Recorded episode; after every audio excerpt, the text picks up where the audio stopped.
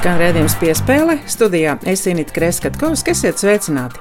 Un šajā pusstundā skaidrosim jaunumus pirms pasaules hokeja čempionāta rīkotāja pilsētas paziņošanas un mēģināsim saprast, vai un kāda drukātā sporta presa Latvijā ir vajadzīga, varbūt internetu portāli, bet varbūt jauniešiem vienkārši interesē televīzija un radio.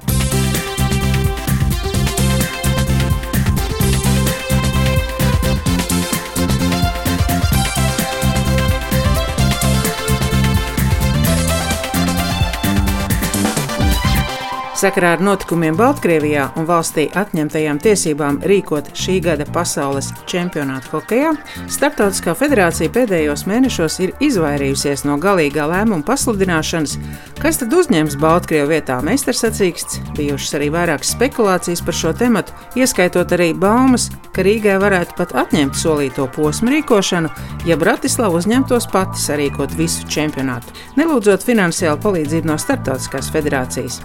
Vai Vai varētu būt tā, ka līguma laušana Latvijai ir finansiāli izdevīgāka nekā rīkošana bez skatītājiem? Un kā pasaulē labākie hokeja fani gaida meistarsacīks, ko varēs vērot tikai pie televizora ekrāniem? Temats turpinājums Mārtiņa Kļavnieka pārziņā. Tiesības rīkot pasaules hokeja čempionātu 2021. gadā Latvija ieguva 2017. gada pavasarī, jo pirms tam Latvijas Hokeja federācijas jaunā vadība Aigara Kalvīša un Viestura Kozjola personā veikli ielica vilcienā kopā ar Baltkrieviem, ko Minskas puse jau bija uzlikusi uz sliedēm un iestūmusi. Viss gan sagriezās kājām gaisā pagājušā gada augustā, kad Baltkrievijā notika prezidenta vēlēšanas, un tajās, vismaz kā pats to pauda, uzvarēja līdzšinējais prezidents Aleksandrs Lukašenko. Tauta apšaubīja šādu rezultātu leģitimitāti, tāpēc izgāja ielās, un protesti turpinās joprojām. Savukārt Lukašenko kontrolētās varas struktūras miermīlīgos protestētājus vardarbīgi apspiež. Lai gan Startautiskā hokeja federācija ilgi vilcinājās ar lēmumu par to, atņemt vai neatņemt Minskai hokeja čempionāta vienas grupas rīkošanas tiesības, tomēr janvārī to izdarīja. To gan pamudināja tas, ka no čempionāta sponsorēšanas atteicās Škoda un vēl divi naudas devēji. Tagad Startautiskajai federācijai jānolēmi, kur tad notiks Mīnskā ieplānotās spēles. Varianti šobrīd ir divi. Vai nu mači notiks Herningā, Dānijā vai Bratislavā, Slovākijā. Šonadēļ Rīgā paviesojās Startautiskās hokeja federācijas delegācija, lai vērtētu Rīgas gatavību sarīkot čempionātu. Aizkulisēs izskanējis, ka pastāv iespēja, ka Rīgā spēles nemaz nenotiks, jo tas Startautiskajai hokeja federācijai varētu izmaksāt pārāk dārgi. Lēmumu par to, kur tad īsti notiks Minskā sākotnēji ieplānotās spēles, Startautiskā hokeja federācija sola paziņot jau pirmdien, 1. februārī. Parunāsim ar vienu no pieredzējušākajiem Latvijas hokeja žurnālistiem, Gintu Narogu, kurš šobrīd pārstāv Latvijas avīzi. Sveiks, Gint! Sveiki, Mārtiņ! Šī gada pasaules čempionāts. Kā tu varbūt no malas redzi šobrīd notiekošo procesu? Tātad lielie IHF vīri bijuši ciemos un apskatījuši tos objektus, kuros varētu tikt Latvijā uzņemts pasaules čempionāts un tā dalībnieki, bet kā to procesu redz no malas? Ļoti interesanti ir tas, ka varētu salīdzināt, kā 2006. gadā, kad pirmoreiz Latvijā notika čempionāts, un to laiku arī bija ļoti liela neskaidrība ilgu laiku. Šobrīd tas gan ir uh, cits jautājums. To, to laiku bija neskaidrība ar otru hokeja halli. Šobrīd tā situācija man šķiet diezgan vienkārša. Tā, pirmkārt, tā ir pandēmija, otrkārt, finanšu jautājums. Starptautiskā hokeja federācija ar šo vadību, kas jau ir ilgi viņiem bijusi, viņi māks skaitīt naudu. Viņiem ir skaidrs, ka viņi noteikti finansiāli viņiem vajadzēs ieguldīties. Viņi nevarēs tā, ka viss ir uz organizatoru pleciem. Mm. Latvijas valdība no savas puses ir pateikusi, ka mēs atbalstam, bet mēs rēķināsim. Cerams, ka nākamā nedēļa būs lēmums. Rīgā noteikti būs čempionāts, bet es šaubos, vai viņš būs ar visām 16 komandām. Astoņas komandas varētu būt, un viņas būs. Kāpēc bija atbraukusi šī delegācija? Viņi gribēja pārliecināties par iespējām elektromobiliskajā centrā uztaisīt ledus laukumu. Bažas ir ļoti pamatotas, jo, ja mēs atceramies, čempionāts notiks no 21. māja līdz 6. jūnijam, un, un to brīdi var laika apstākļi sagādāt tādu pārsteigumu, kā piemēram plus 20, plus 25 grādus uh, temperatūru ārā un ir pamatotas bažas, vai ledus Nesāks kust gal galā, jā. Tieši tā, jo mm. kaut vai atceroties to pašu 2006. gada pasaules čempionātu Rīgā, Skonto haulē bija viena spēle, es neatceros, kas tur spēlēja, un šķiet kanādieši ar kaut ko, un tur reāli ledus pie apmales ielūza. Kā ielūza? Jā, nu, viņš sadalījās. Pieļauju, tāpēc tā delegācija tika ieradās. Protams, arī paskatīties, kas notiek ar viesnīcām, runāt arī par finansiālām lietām. Runāja ar Viesuru Kozolu, hokeja, Latvijas Hokeja federācijas ģenerālu sekretāru. Viņš bija diezgan drošs, ka čempionāts Latvijā notiks, bet viņš nebija drošs, vai tas būs 16 komandām. Bet es šaubos, vai Slovākija varētu pārņemt visu turnīru rīkošanu. Tas būtu, pirmkārt, būtu netaisnīgi pret Latviju. Otrkārt, tas, man liekas, arī nu, finansiāli Starptautiskā federācija viņi rēķina katru kapeiku. Un šogad nu, viņa ir sajutusi, ka viņiem tā nauda sāk iet mazumā. Mm, jo viņiem spiež, viņiem to čempionātu vajag par katru cenu. Viņiem vajag, jā, jo viņiem vajag to čempionātu, lai viņi nopelnītu naudu. Tas mm. ir pilnīgi skaidrs. Jo, jo vispārējie mazajās grupās čempionāti ir atcelti. Vienīgais, kas notiks aprīlī, būs O18 čempionāts uh, ASV. Mm -hmm. Man jau ļoti patika arī, ka Starptautiskā federācija uzreiz sarosījās, ka galvenie sponsori pateica, ja notiks Minskā, mēs jums naudu zēnu nedosim. Un viņiem tas uzreiz bija tā kā. Nu, tas viņus motivēja. tas viņus motivēja. Viņi, viņi jau pēc divām dienām pieņēma lēmumu, ka Minskā aplēno Aleksandru Lukašenko, bet tas ir brīvs. Sporta draugu kluba Namējas vadītājs Jānis Barkāns Latvijas radio jau iepriekš paudis, ka, ja līdzjutējiem nebūs ļauts būt tribīnēs klātienē, tad viņiem šāds čempionāts nesot vajadzīgs. Visticamāk, ka Rīgā būs čempionāts bez skatītājiem, un visticamāk, tajā spēlēs vienas grupas astoņas komandas. Čempionāta norise bez skatītājiem tribīnēs nozīmē, ka hokeja izlasēji klātienē nevarēs līdzi just arī daudzi sabiedrībā zināmi cilvēki. Mm, esmu sazinājies ar um, tautā mīlētu un labi zināmu komponistu Uldi Merhilēviču, kurš uh, arī ir kvēls hokeja fans. Sveiks, Uldi, un vai es, uh, vai es nemaldos? Sveicināti! Nu, kopumā varbūt tā varētu teikt. Bet laiki mainās, tas ir atkarīgs no paša hokeja, mūsu māja hokeja attīstības. Kopumā es kopš bērnības, kā jau man paudz, visu sekojam hokejam līdz ar visām mūsu vēstures leģendām. Galu galā jums jau tomēr arī nu, tādas varbūt pat īpašākas attiecības ir ar hokeju, jo, piemēram, vienai hokeja filmai pat mūziku esat komponējis par Sānu Dozoliņu un Arturu Irbi. Redz, cik labi, ka sāk kaut ko atgādināt, ka tiem daudz kas aizpeld jā, tā saikne ir taisna muzikāla arī. Kad mēs 90. gadu sākumā ar grupu Remix sākām Amerikā projektu, jā, kurš pārdeva pa projektu Rīga. Tad arī tur bija tie pirmie asni hokeistiem arī sākās. Tad aizbrauca gan Arturs, gan Sandis. Viņi abi bija toreiz San Jose Šarkos. Jā. Mm -hmm.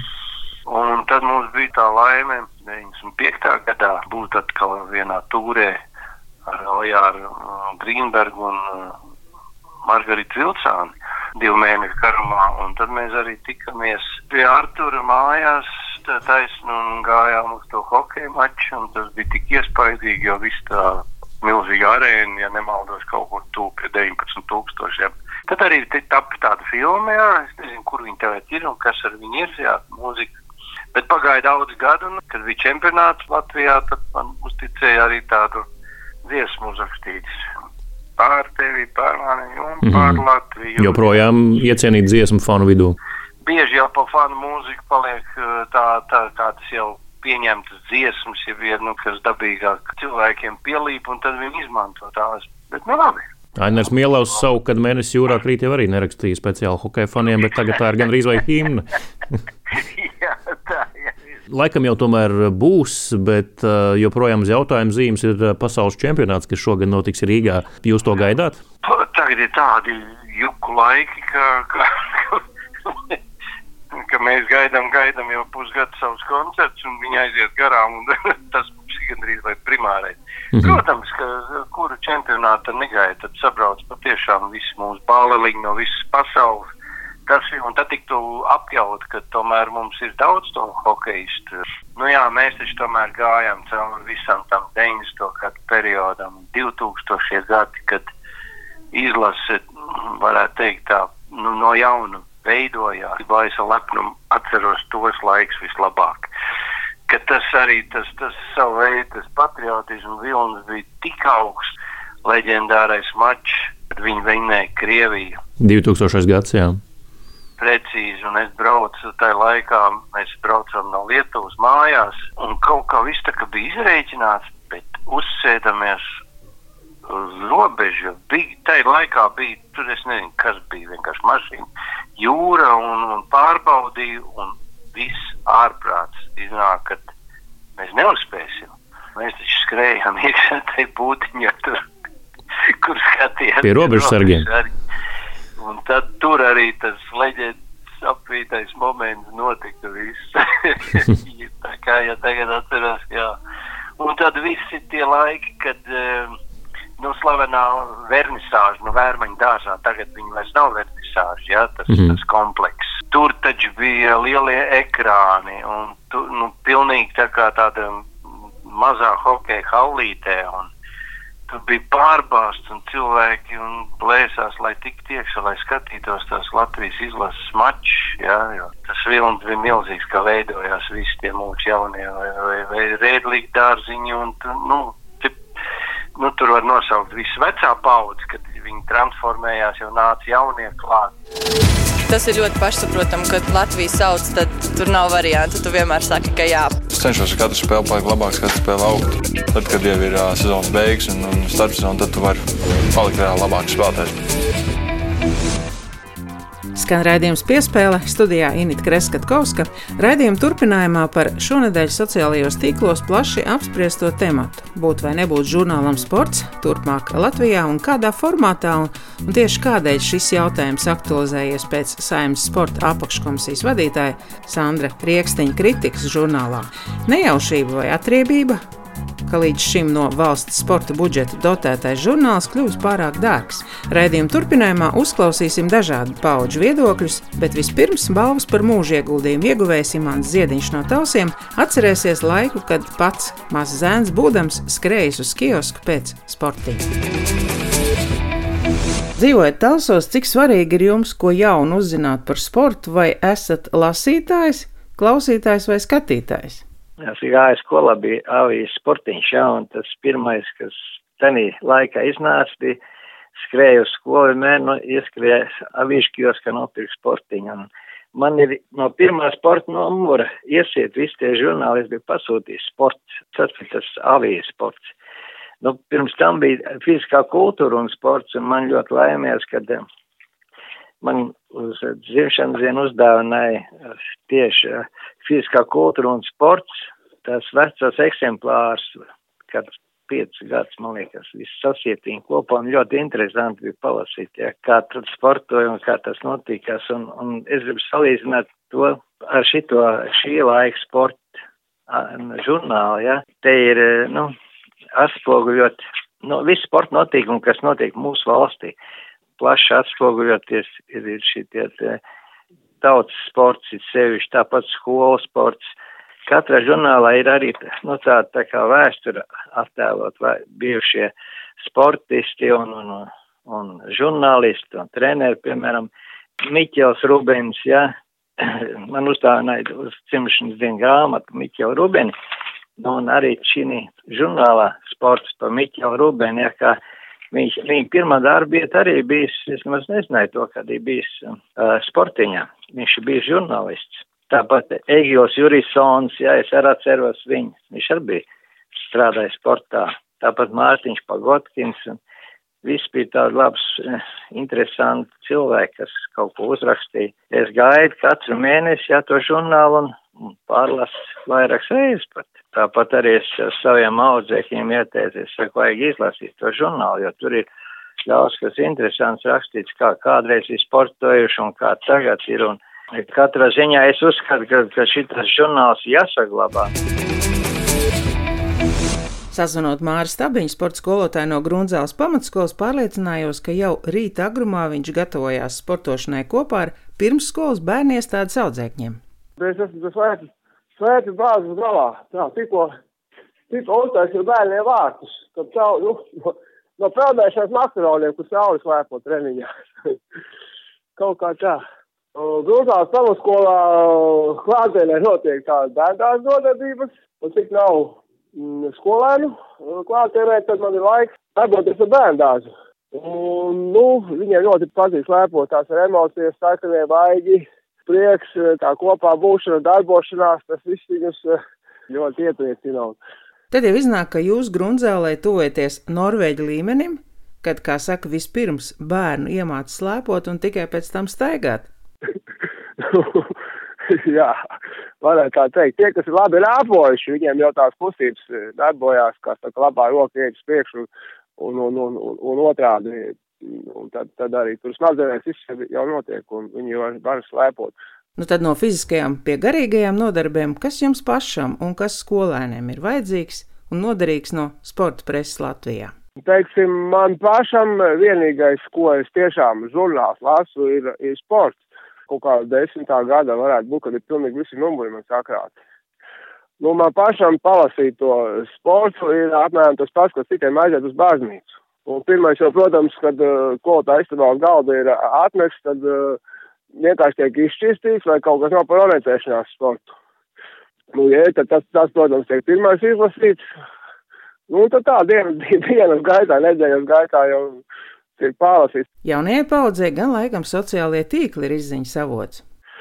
Nu, tā ziņas ir, teiksim, konkrētākas, jā, nu, īsa ziņa, teiksim, tagad par Rastoru Gudevu, jā, nu, nu, priekš padot tālāk visi ziņa, jā, kad Gudevs ir Eiropas čempions. Bet, nu, es domāju, ka uh, tādu garāku rakstu lasīt datorā vai, vai tajā pašā telefonā, tas nav tas, kā būtu interesanti šis Gulima ceļš, kā viņš uh, tik tālu ticis. Tādas lietas jau atkal, es domāju, ka datorā nelasās. Viņš bija tāds motivators, ka es arī gribu būt tur, kur ir viņš un darīt to, ko viņš dara. Visiem spēlētājiem mēs ticam, gaidām, un, un vēl nekas nav beidzies. Vismaz viena spēle mums noteikti. Jā.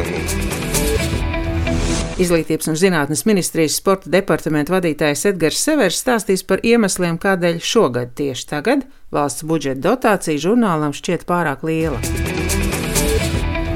Kāds iemesls, ka tieši tagad runājam par to, ka žurnāla izdošana nākotnē ir apdraudēta? Jā, nu sāksim ar to, ka valsts sporta budžets šajā gadā ir nedaudz mazāks nekā pagājušajā gadā, un tas attiecās arī uz programmu Sporta federācijas sporta pasākumi un vairāk kā 350 tūkstoši finansējums ir mazāk tieši par federāciju programmām un pasākumiem.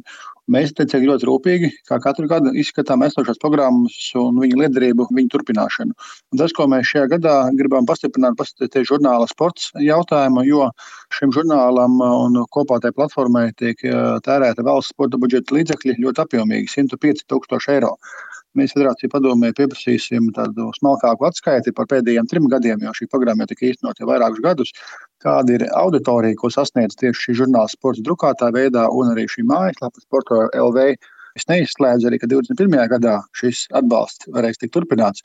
Bet tad federācija padomē, te būs jāizsniedz ļoti konkrēti, precīzi plāns, kā viņi plāno šo aktivitāti un pasākumu uzlabot. Jo tie rādītāji, ko mēs esam paskatījušies, šī žurnāla abonenti salīdzinoši mazi arī sociālos tīklos samērā maz seko šīm platformām. Šī informācija liecina par to, ka ar 105 tūkstošiem Latvijas sportā mēs, mēs informatīvā veidā spētu panākt daudz lielāku efektu. Un tas lēmums, ko mēs šobrīd esam pieņēmuši, ka mēs esam līdzekļus, kas samazinātā veidā, nu jau vairs nevis 105, bet 90 tūkstoši eiro esam izdalījuši atsevišķi ar mērķi sporta nozares aktualitāšu un norišu atspoguļošanai, kā arī sporta aktivitāšu popularizēšanai sabiedrībā. Un uzklausot, kā teica Federācija padomi, viņu skatījumu, kā viņi redz šīs programmas attīstību nākotnē un arī kopīgi ar pārējām organizācijām pieņemsim šo gala lēmumu. Mēs esam skatījušies citu ministriju pieredzi, kultūras ministrijas pieredzi, ka viņi ar būtiski mazākām naudām, pat 5-6 reizes mazākām naudām šādas aktivitātes īsteno, meklē līdzdarbības līgumu ietvaros, meklē, aicina pieteikties organizācijas, kurām ir pieredze kapacitāte šādai aktivitāšu īstenošanai. Un tad šādā veidā, kad nav tikai viena konkrēta organizācija, kas, kurai nosīt monopola stāvoklis uz šo informācijas nodrošinājumu. Jo mēs runājam arī par jaunu auditoriju, par aktīvāku, arī par mēdīju izmantošanu plašākā veidā. Jo... Vai jautājums ir tikai par drukāto presi, jāiet līdz laikam un jāpāriet uz digitālajām platformām, vai runa ir par to, vai principā mums vajadzīgs šāds žurnāls? Pirms eh, pāris gadiem, kad mēs šim jautājumam pieskārāmies, bija toreiz tieši diskusija par to drukāto žurnālu. Bija arī, mēs zinām, pat Eiropā lieli pat tabloīdi ar, ar gandrīz simtgadīgu vēsturi, attiecīgi pārgājuši tikai uz šīm digitālām platformām, bet tajā brīdī arī bija tas kopīgs lēmums, nu, vēl, vēl saglabāt to kā, drukāto šo materiālu, bet vienlaikus sākt jau šo e-žurnāliem, kā digitālo platformu. Tika izveidot mājaslapa sporto.lv, kur ir pieejama šī žurnāla digitālā versija, tā kā viņš nav obligāti jāabonē vai obligāti jāpērk bet viņš ir pieejams arī šajā elektroniskajā formātā. Bet te jautājums ir plašāks. Ja mēs runājam par tādu faktiski valsts dotētu un uzturētu mēdīju, mēs gribam tā tādu mazu, mazu pauzi paņemt nu, līdz mēnesim, ilgāk jau ne. Federācija padome Tas īstenotājs arī paliks arī šajā gadā, protams, tā pilnveidotām platformām, bet jau saulēcīgi jāstrādā pie tādas, varbūt nopietnākas izvērtēšanas tieši 22. gadu, jo arī privātajā šajā sektorā, piemēram, šī pati sporta avīze, vai ne? Joprojām ir, bet saprotu, ka viegli neiet. Bet, lai gan to, protams, viņi paši ir labāk zina, es domāju, par šo meitu auditoriju un auditoriju kopumā. Būtu žurnāls spētu darboties tikai uz abonementu bāzes, tad jau viss ir kārtībā. Bet šeit ir papildus nāk ļoti ievērojama valsts budžeta dotācija. Tāpēc būtības tā kā, tā kā visas nozares informācijas programma. Tas pirmais gads varētu būt tāds pārējais periods. Topošo treneru un skolotāju viedokli izsaka Sporta akadēmijas rektors Juris Grants. Vai un kāda sportam veltītā presa Latvijā ir vajadzīga? Nu jā, pirmo reizi es par to dzirdēju Latvijas Olimpiskās komitejas izpildu komitejā, un Edgars Severs informēja mūs, ka jautājums ir, ir par, par žurnālu, bet eh, Severa kunga tāda pieeja bija tāda, ka viņš labprāt uzklausītu sabiedrības viedokļus un kādi tie būs, tad šis jautājums tiks izdiskutēts. Bet man pirmkārt radās tā pašam iekšēji tāds jautājums, kāpēc tas par to tiek runāts, jo, jo sporta nozarē ir vajadzīgs savs žurnāls, Un žurnāls sports ir būtībā jau no, no sen, seniem laikiem, no pagājušā gadsimta, nezinu, no 50. gadiem, kā avīze, un pēc tam 90. gados pārtaps par žurnālu sports. Un sporta akadēmijā žurnāls sports ir vienmēr bijis laba sadarbība, un Un tas ir tāds labs vēstnesis, kas notiek sportā, kas notiek sportā akadēmiskajā vidē, kas notiek sporta zinātnē. Vienīgais moments te varētu arī padomāt, kāds tas formāts varētu būt nākotnē, jo, jo tagad arī ar studentiem strādājot, gan bakalaura studentiem, maģistriem, gan doktorantiem lielākā daļa jau lasa elektroniski.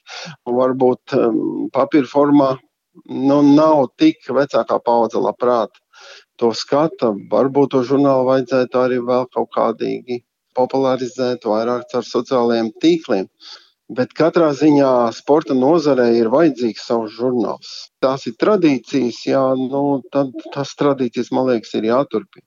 Tāpat kā tradīcijas ģimenē, tāpat arī tradīcijas ir sabiedrībā dažādas. Un uz tradīcijām daudz kas balstās mūsu sabiedrībā. Jūs esat arī Lokijas pildkomitejas loceklis? Jā, jā, jā, jā es neesmu valdējis, es izpildu komitejā strādāju vienreiz mēnesī, mēs strādājam un, un es strādāju tieši izglītības un zinātnes un veselības apakškomisijā šajā jomā. Piespēles turpinājumā klausāmies ilgadējo žurnāla sports redaktoru Dāņu Cauni. Vai Latvijā sporta izdevums spētu izdzīvot bez dotācijām? Ne, neapšaubām, ka uh, tāds sporta izdevums atsevišķi nevar uh, pats par savu naudu pastāvēt tik tik mazu auditoriju kā Latvijā. Tik maz mums ir lasītāji, tas jau neatiekās tikai uz šo nozaru vienu. Dienas prese kā tāda, pat lielā prese nespēja pastāvēt tikai no saviem ieņēmumiem vien. Tad to pat Zviedrija pierādīja, tas pat Zviedrijā tiek finansēts lielākās dienas avīzes, lai eksistētu šis sabiedriskais mēdījis un vēl vairāk tas attiecās uz tādu šauru nozari. Jebkurā gadījumā nu, arī kultūra, kultūra kapitāla fonds atbalsta savus izdevumus, un ja sportam ir pat labam joprojām saglabāts, eksistē viens savs izdevums, tad, tad viņu, viņu pazaudēt, nu, tā būtu diezgan liela muļķība. Var runāt par galvenā redaktoru, par koncepciju, var taisīt uz to konkursu, nu, iespējams, ka es tiešām esmu pārāk ilgi šajā matā un, un, un var atrast noteikti labāku un jaunāku cilvēku. Bet nu, nekādā gadījumā nevajadzētu pazaudēt mediju, jo atgūt to mm, nu, pēc tam droši vien būs gandrīz neiespējami. Uh, tāpat arī šīs runas, ka varētu pirkt kādā citā mēdījā konkursu kārtībā kaut kāds lapus. Tā ļoti bieži vairs nav žurnālistika, tas jau ir vairs tikai tādi reklāmas raksti vai PR gājieni galvenokārt. Mēs tomēr nodarbojamies ar žurnālistiku un galvenais, ka mēs rakstam par to, par ko citi neraksta. Tas ir visas jaunatnes spēles, kāds ir bijušas Eiropas lielās jaunatnes spēles, uh, olimpiskās spēles, un par tām, protams, raksta tik viens, bet šeit uh, mūsu pasākumu Latvijas ziemas un vasaras olimpiskie festivāli, Latvijas olimpiādas, uh, sporta veidi, kas nav komerciāli izdevīgi. Ir, ir diezgan daudz nesaprot, ka sports ir jādala arī ne tikai, kā to parasti saprot, sporta spēles, individuālie sporta veidi, olimpiskie, neolimpiskie, bet ir arī komerciālie sporta veidi un nekomerciālie sporta veidi. Neoficiālā informācija vēsta, ka žurnālā sports tika publicēta kritika, tostarp par saimnes sporta apakškomisijas vadītāju, un ilgi nebija jāgaida, un bumeranga princips nostrādāja. Finansējums kļuva apdraudēts. Varbūt pārāk skarbi izteicos ne īstā laikā, ne īstā vietā par uh, Rīgsviņa kunga aktivitātēm, un tas izraisīja pretreakciju. Zināmā mērā izskatās tā, ka mans viedoklis ir izraisījis situāciju, ka mana viedokļa dēļ, ko ir paud kā žurnālists, tiek sēgts vai draudz slēgt mēdī viss, kaut kā nesaskan ar uh, tiesisku valsti un ar uh, preses likumu un žurnālistikas principiem. Kāda ir situācija, cik ilgi vēl žurnāls sports var izvilkt ar esošo finansējumu? Kādas pāris numurus mēs izdot noteikti varam, spēsim. Viss atkarīgs ir praktiski no federācija viedokļa, jo, principā, ja mēs kalpojam federācijām un mūsu devīze Latvijā sportos simts veidos un mēs rakstam par visiem. Federācijas ir tās galvenās notiecējas šajā jautājumā. Un tām būtu jāpauž savus viedokļus par to. Cik zināms, tad ir gan kioskos, gan galvenokārt jau jūsu mērķa auditorija ir sporta klubi, skolas un reģioni. Žurnāli ir atrodams uh, visu skolu bibliotekās, visās skolās, sporta skolās, lielākajos sporta klubos, arī pašvaldībās. Protams, arī viņu ar lielāko prieku gribētu pārdot un arī pārdodam. Nu, vienīgā nelēma ir, ka um, preses izdevumi tirdzniecībā Latvijā ir monopols, un, lai iekarotu vietu, tur ir ļoti jācīnās, un, lai būtu pirmajā rindā, lai tie pamanītu, ir jāveic diezgan nopietnas mārketinga kampaņas, kas atkal prasa līdzekļus un, un arī resursus, kur mums nav. Tā kā nopērkam mēs esam, bet ne visur un, tiekam, un, un netiekam šajās tirdzniecības vietās nekādā veidā reklamēt, bet atrast, atrast sportu var. Savu viedokli par to, kādā veidā uzņem jeb uztver sporta informāciju, izteiks aktīvajā sportā esoša Sieviešu Nacionālajā basketbolā asociācijā par piederīgu atzītā Kitija Laksa. Nozīmīgi savas karjeras laiku tu studēji ASV, kad vietējā presa tevi slavēja ne pa jokam un, protams, pelnīti. Kā tu uzņem informāciju šeit Latvijā? Šķiet, ka vienkārši sporta fani un izmantoja laikam visus, visus nepieciešamos mēdījus Tādēļ, ka tā informācija bieži vien ir nezināmās vietās atrodama. Svarīgi atrast to sava veida mīļai darbību gan drukātai presē, gan arī internetu vietnēs atrodamai informācijai, jo bieži vien forši ir tomēr paturēt to avīzīti vai žurnāliņu sev rokās, un pat nevar iedomāties, ko man vecā māma darītu, ja nebūtu drukātā presa, un kur tie visi mani raksti beigās nokļūtu vai viņas krājumu lādītē, tomēr viņi nokļūt, ja tikai to e, internetu vidē atrodamo informāciju varētu tikai gūt. Tas tāds arī paliekoša vērtība. Žurnāls sports, tu zini, kas tas ir un kādu tu gribētu varbūt to redzēt? Jā, zinu, un ir bijusi tāda saukta sadarbība ar to. Esmu bijis žurnālā, intervēta, bet uh, konkrēti par budžetiem, naudas dalīšanām man viedoklis īsti nav, neesmu pietiekoši informēta. Bet zinu to, kas par sportu ir jāraksta, un kaut kur tomēr tā informācija ir jānokļūst. Tīpaši, ja tā ir kvalitīva informācija. Dzirdējāt dažādus viedokļus par žurnālu sports, vēlot tam ilgu un kvalitatīvu mūžu, un prasmes arī mainīties līdz laikam. Atvadāmies ar nelielu informāciju no 37. gada sporta pasaules numura 427 Toreiz redakcija, ekspedīcija un kantors atradās Dzirnavielā 57, atbildīgais redaktors Teodors Spāde, bet redaktors Arnolds Šmits. Tajā numurā vēsts, ka laulības ostā dosies Jānis Daliņš. Viena no reklāmām savukārt vēsta, ka piens ir veselības pamats un sportisti ir aicināti apmeklēt LPC Savienības piena restorāns un paviljonus. Mārtiņš Kļavinieks, Esinita Kreskatkovska un Normīts pat atvadāmies ar atziņu, ka ar daliņu lepojamies joprojām, pienu dzeram arī pēc 84 gadiem. Būsim veseli, tad arī sportosim un gaidīsim nozares profesionāļu aprakstus par tiem, kas to pelnījuši.